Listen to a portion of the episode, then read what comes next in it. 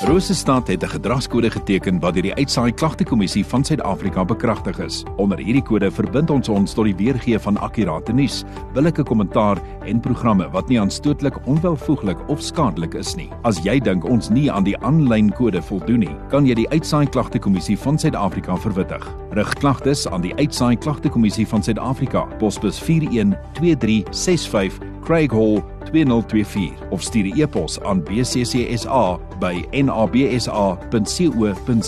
Vir verdere inligting, besoek www.bccsa.co.za.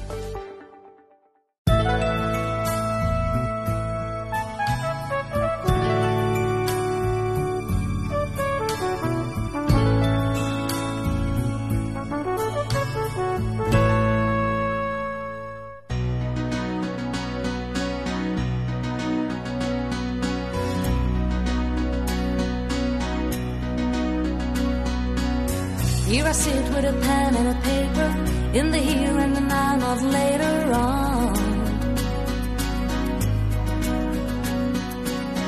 To the sound of my own heart beating, I try to capture the start and write it down.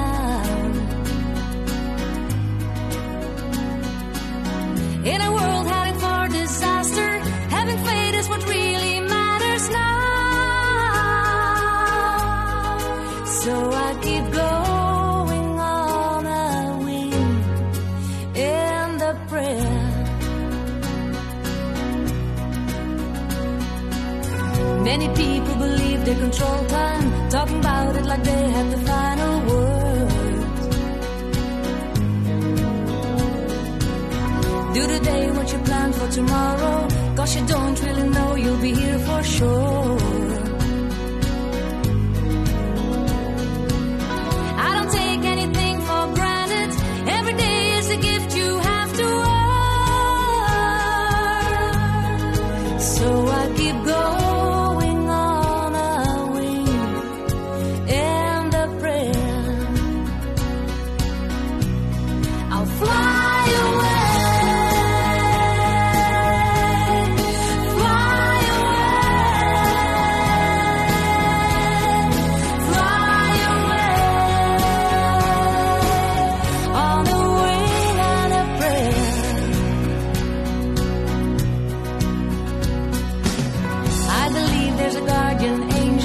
Sent from heaven who's watching over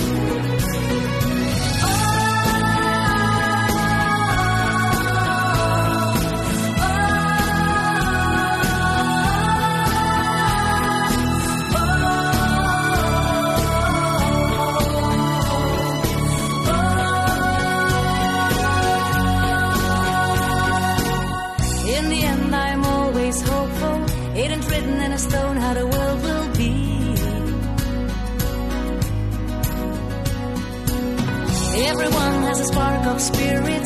Everyone has the power just like me.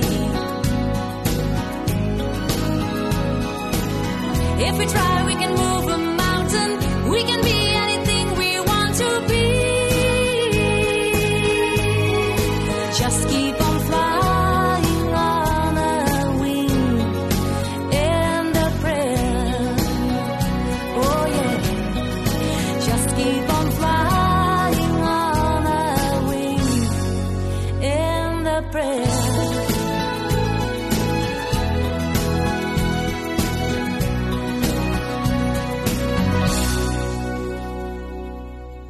Goeiemôre.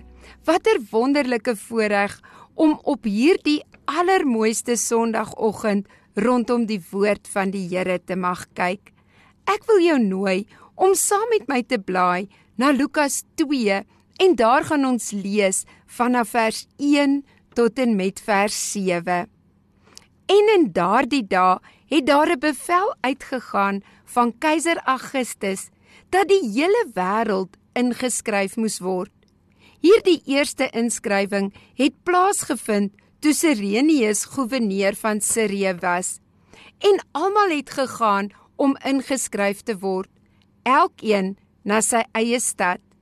En Josef het ook opgegaan van Galilea uit die stad Nasaret na Judea, na die stad van Dawid wat Bethlehem genoem word, omdat hy uit die huis en geslag van Dawid was om hom te laat inskrywe saam met Maria, die vrou aan wie hy hom verloof het, wat swanger was.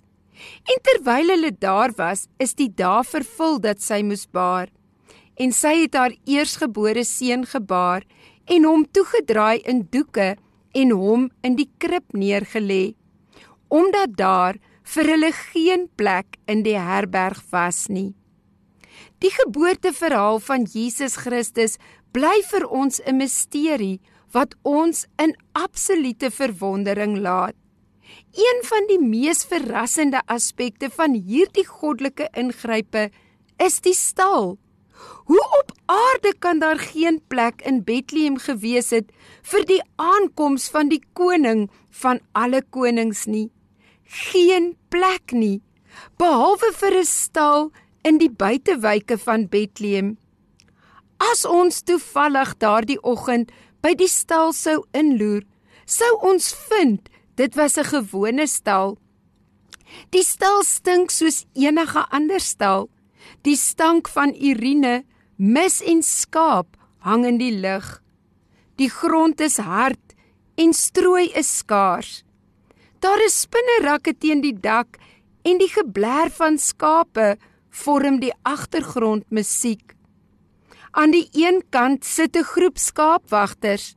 Hulle sit stil op die vloer, miskien verbuisterd, met ontzag vervul, sonder twyfel verstom. God het hul nagwaak binne gekom met 'n simfonie van engelkore en aan hulle die blye tyding gebring, want God het geweet dat hulle tyd sou hê om na sy boodskap te luister. Naby die jong moeder sit die moe Josef. Die timmerman is steeds oorweldig met die nag se gebeure. Hy moes die vroedvrou wees om God in die lyfie van 'n pasgebore baba in die wêreld te ontvang. Die raaisel van die gebeurtenis slaan hom dronk, maar hy is eenvoudig net te moeg om enige vrae te vra.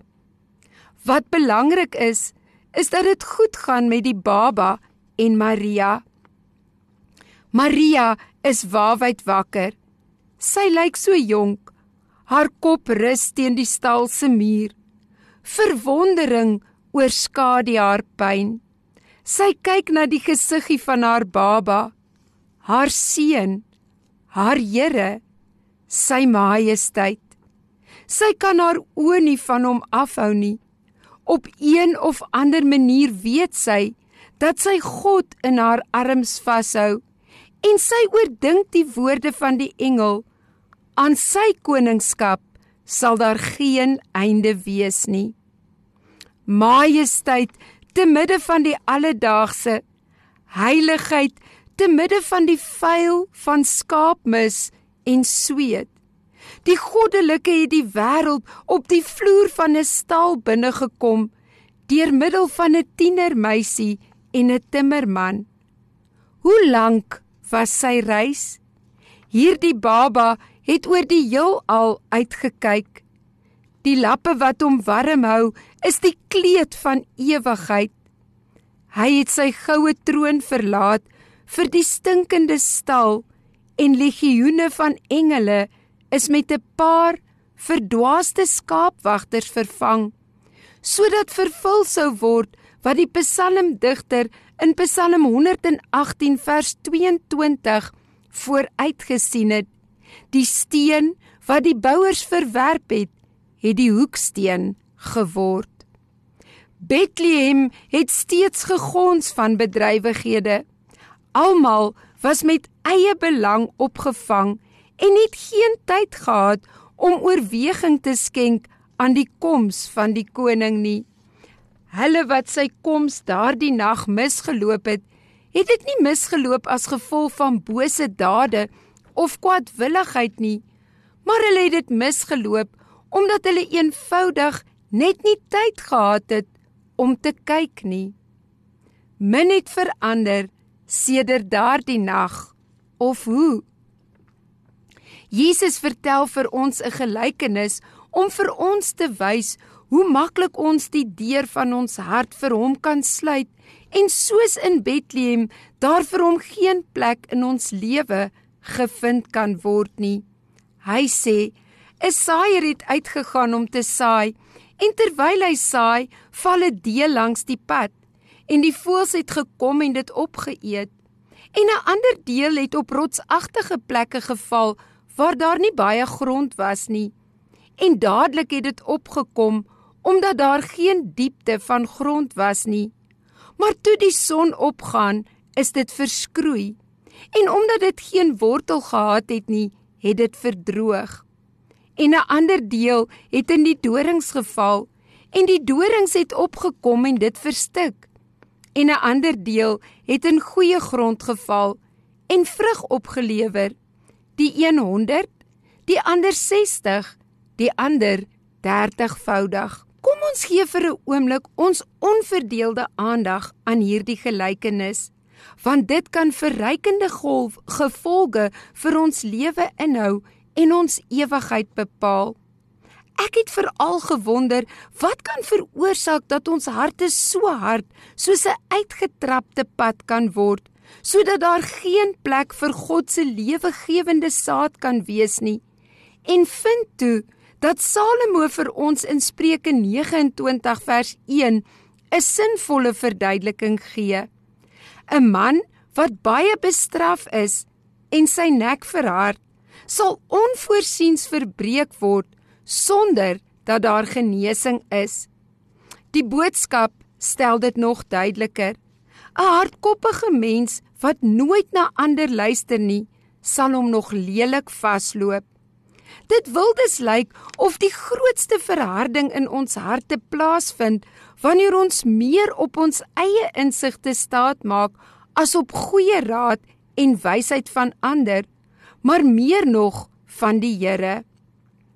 Hoogmoed, trots, selfregverdiging, 'n besonder sterk maar ongeregverdige gevoel van eie waarde, te hoë dink van jouself, selfoorskatting, eie waan en opgeblaasenheid vorm 'n ondeurdringbare laag om ons hart en dan is daar geen toegangsroete waardeur die koning van alle konings in jou hart kan kom woon nie. 'n Toepaslike voorbeeld vind ons in Lukas 18 vers 9 tot 14. En hy het ook met die oog op sommige wat op hulle self vertrou dat hulle regverdig is en die ander verag hierdie gelykenis vertel. Twee manne het na die tempel opgegaan om te bid. Die een 'n Fariseer en die ander 'n tollenaar. En die Fariseer het gaan staan en by homself so gebid: O God, ek dank U dat ek nie soos die ander mense is nie. Rowers, onregverdiges, egbreekers of ook soos hierdie tollenaar nie. Ek vas 2 keer in die week. Ek gee tiendes van alles wat ek verkry. En die tollenaar het ver weggestaan en wou selfs nie sy oë na die hemel ophef nie, maar het op sy bors geslaan en gesê: "O God, wees my sondaar genadig. Ek sê vir julle, hierdie laaste een het geregverdig na sy huis gegaan eerder as die eerste een. Want elkeen wat homself verhoog, sal verneder word en hy wat homself verneder, sal verhoog word. Die tweede deel het op rotsagtige plekke geval en aanvanklik het dit gelyk of dit groei. Maar omdat dit geen wortels kon skiet nie, het die son dit verskroei en kon dit geen oes oplewer nie. Ons as mense is geneig om trauma en seer kry in ons harte op te gaar.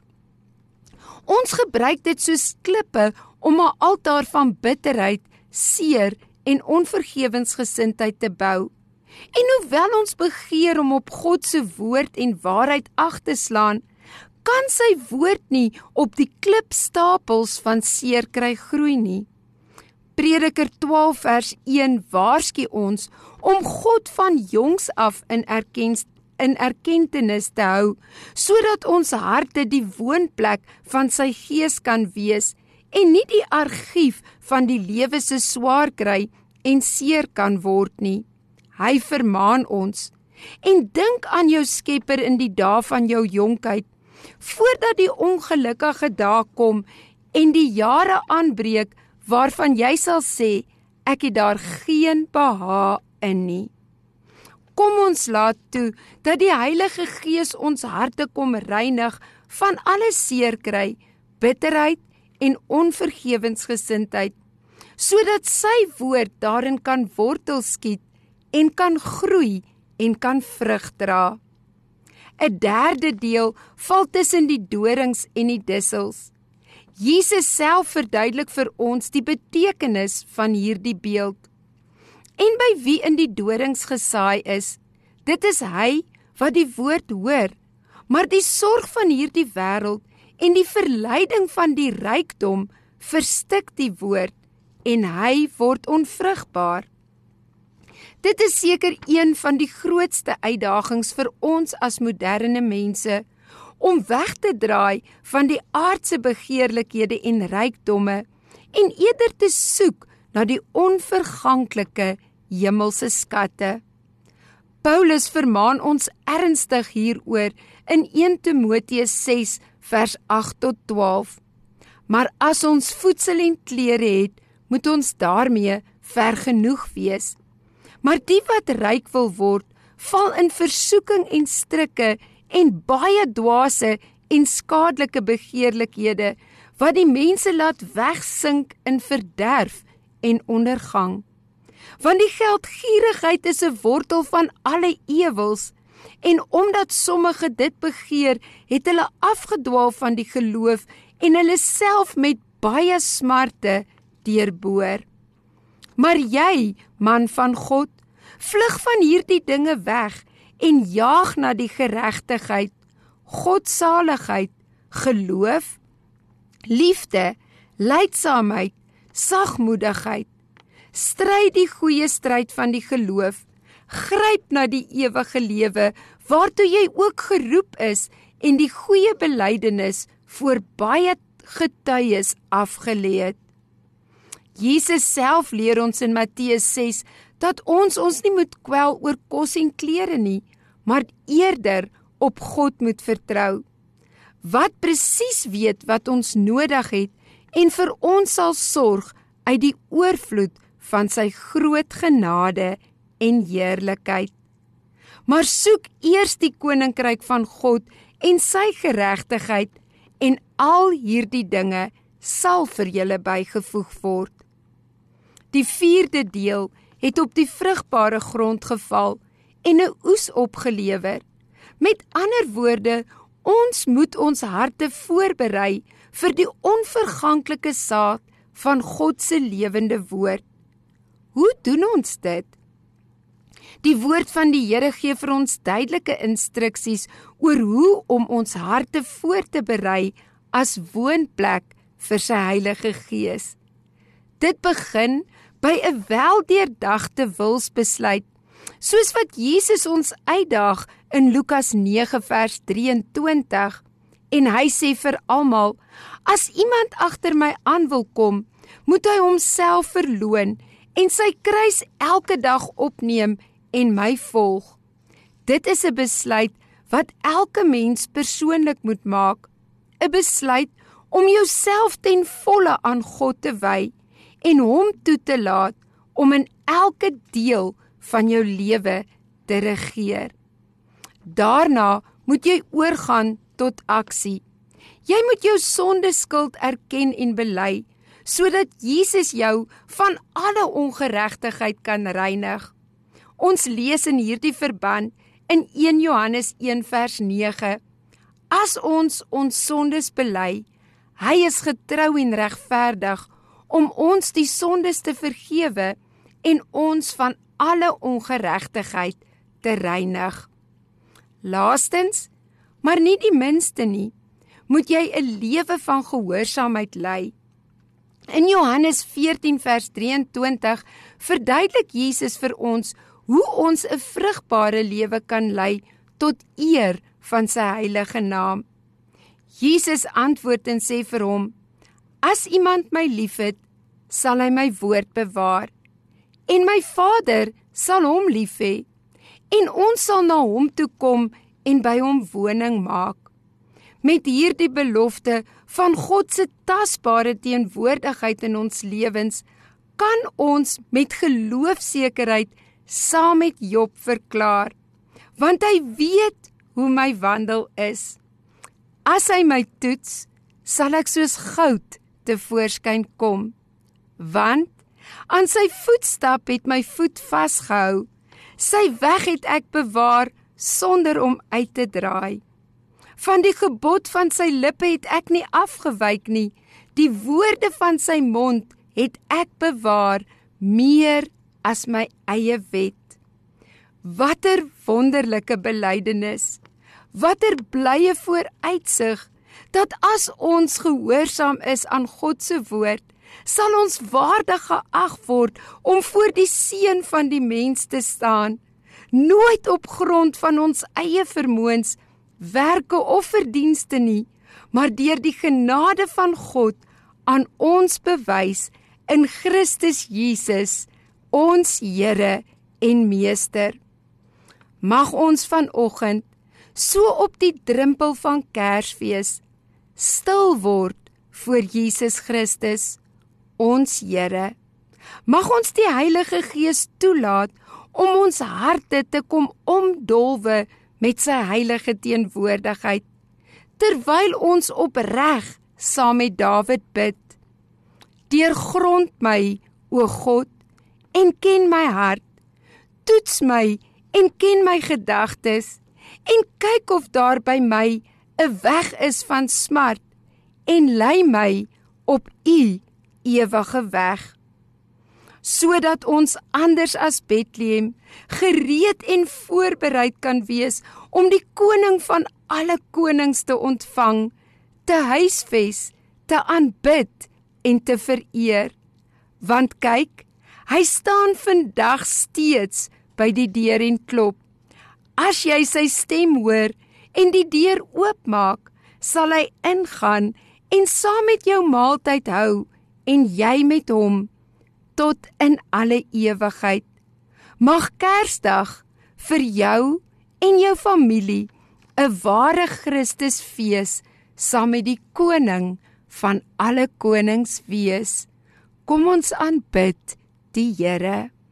Abba Vader, hoe sal ons ooit genoeg woorde hê om vir U te kan loof en dank vir dit wat U vir ons gedoen het?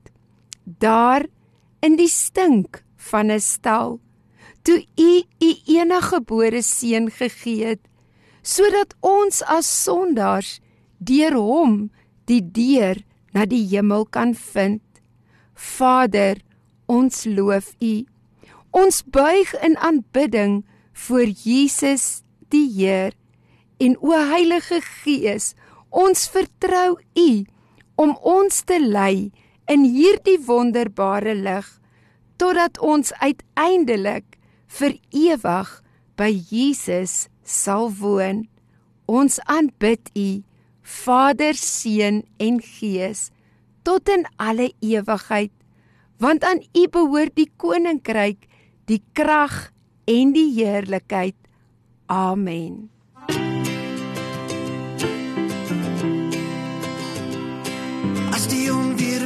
Waai, bring hy vrede rede. As jy nooit om jou draai, is daar 'n rede. Dis tyd om om te vra. Hy sal jou laste dra. Kom ons loof hom. Kom ons prys hom. As die storms om jou draai, maak hy jou kalm. As die eensaamheid jou voel, weet hy's by jou. Sal jou nooit verlaat. Volg maar hierdie raad. Kom ons loof hom. Kom ons prys hom. En dan